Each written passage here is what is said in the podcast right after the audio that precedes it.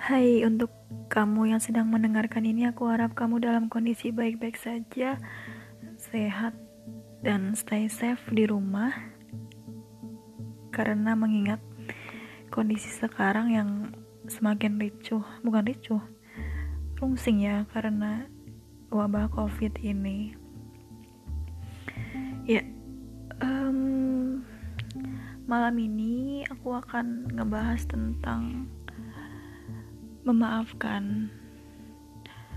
Sebelumnya di podcast aku, aku udah menyinggung tentang memaafkan. Oke, langsung aja ya. Um, terkadang kita dikecewakan karena orang terdekat kita. Kadang orang terdekat kita lah, orang yang kita percayalah yang justru memiliki peluang menyakiti kita lebih besar.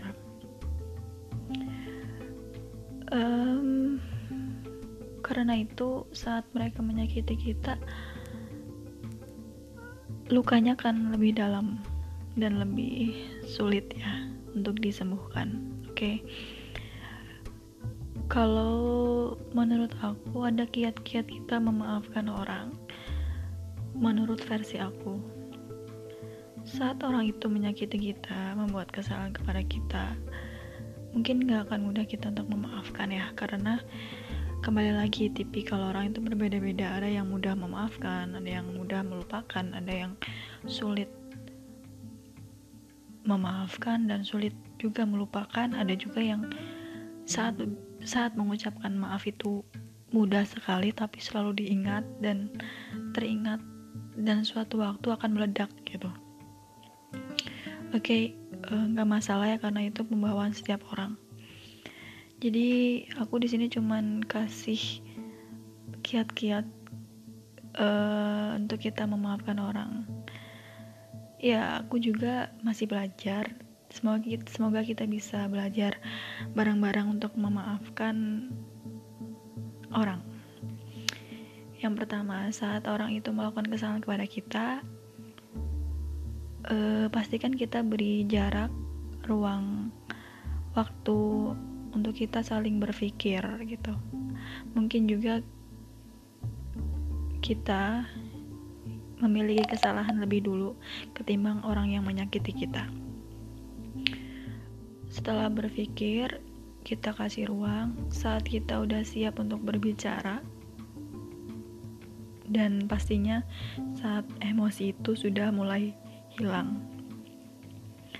Berbicara dengan menggunakan dua sudut pandang dan um, tidak menitik beratkan kesalahan kepada satu orang.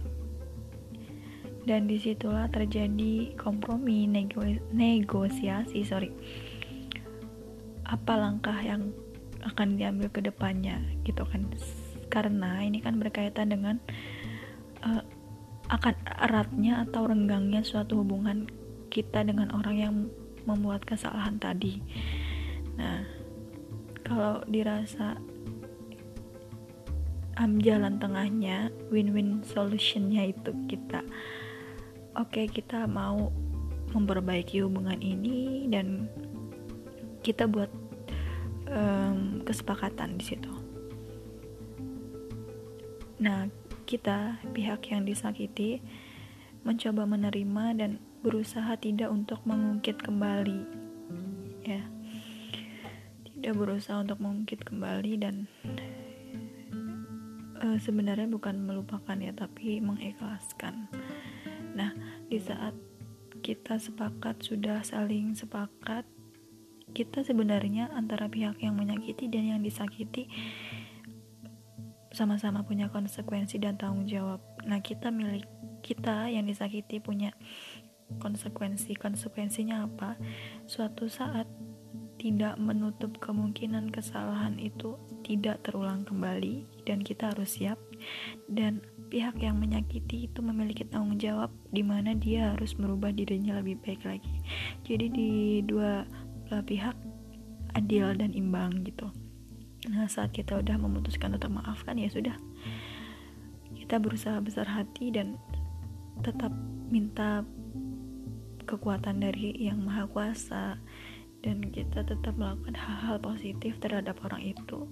Jangan balas dendam dan tetap menjadi versi diri kita yang terbaik.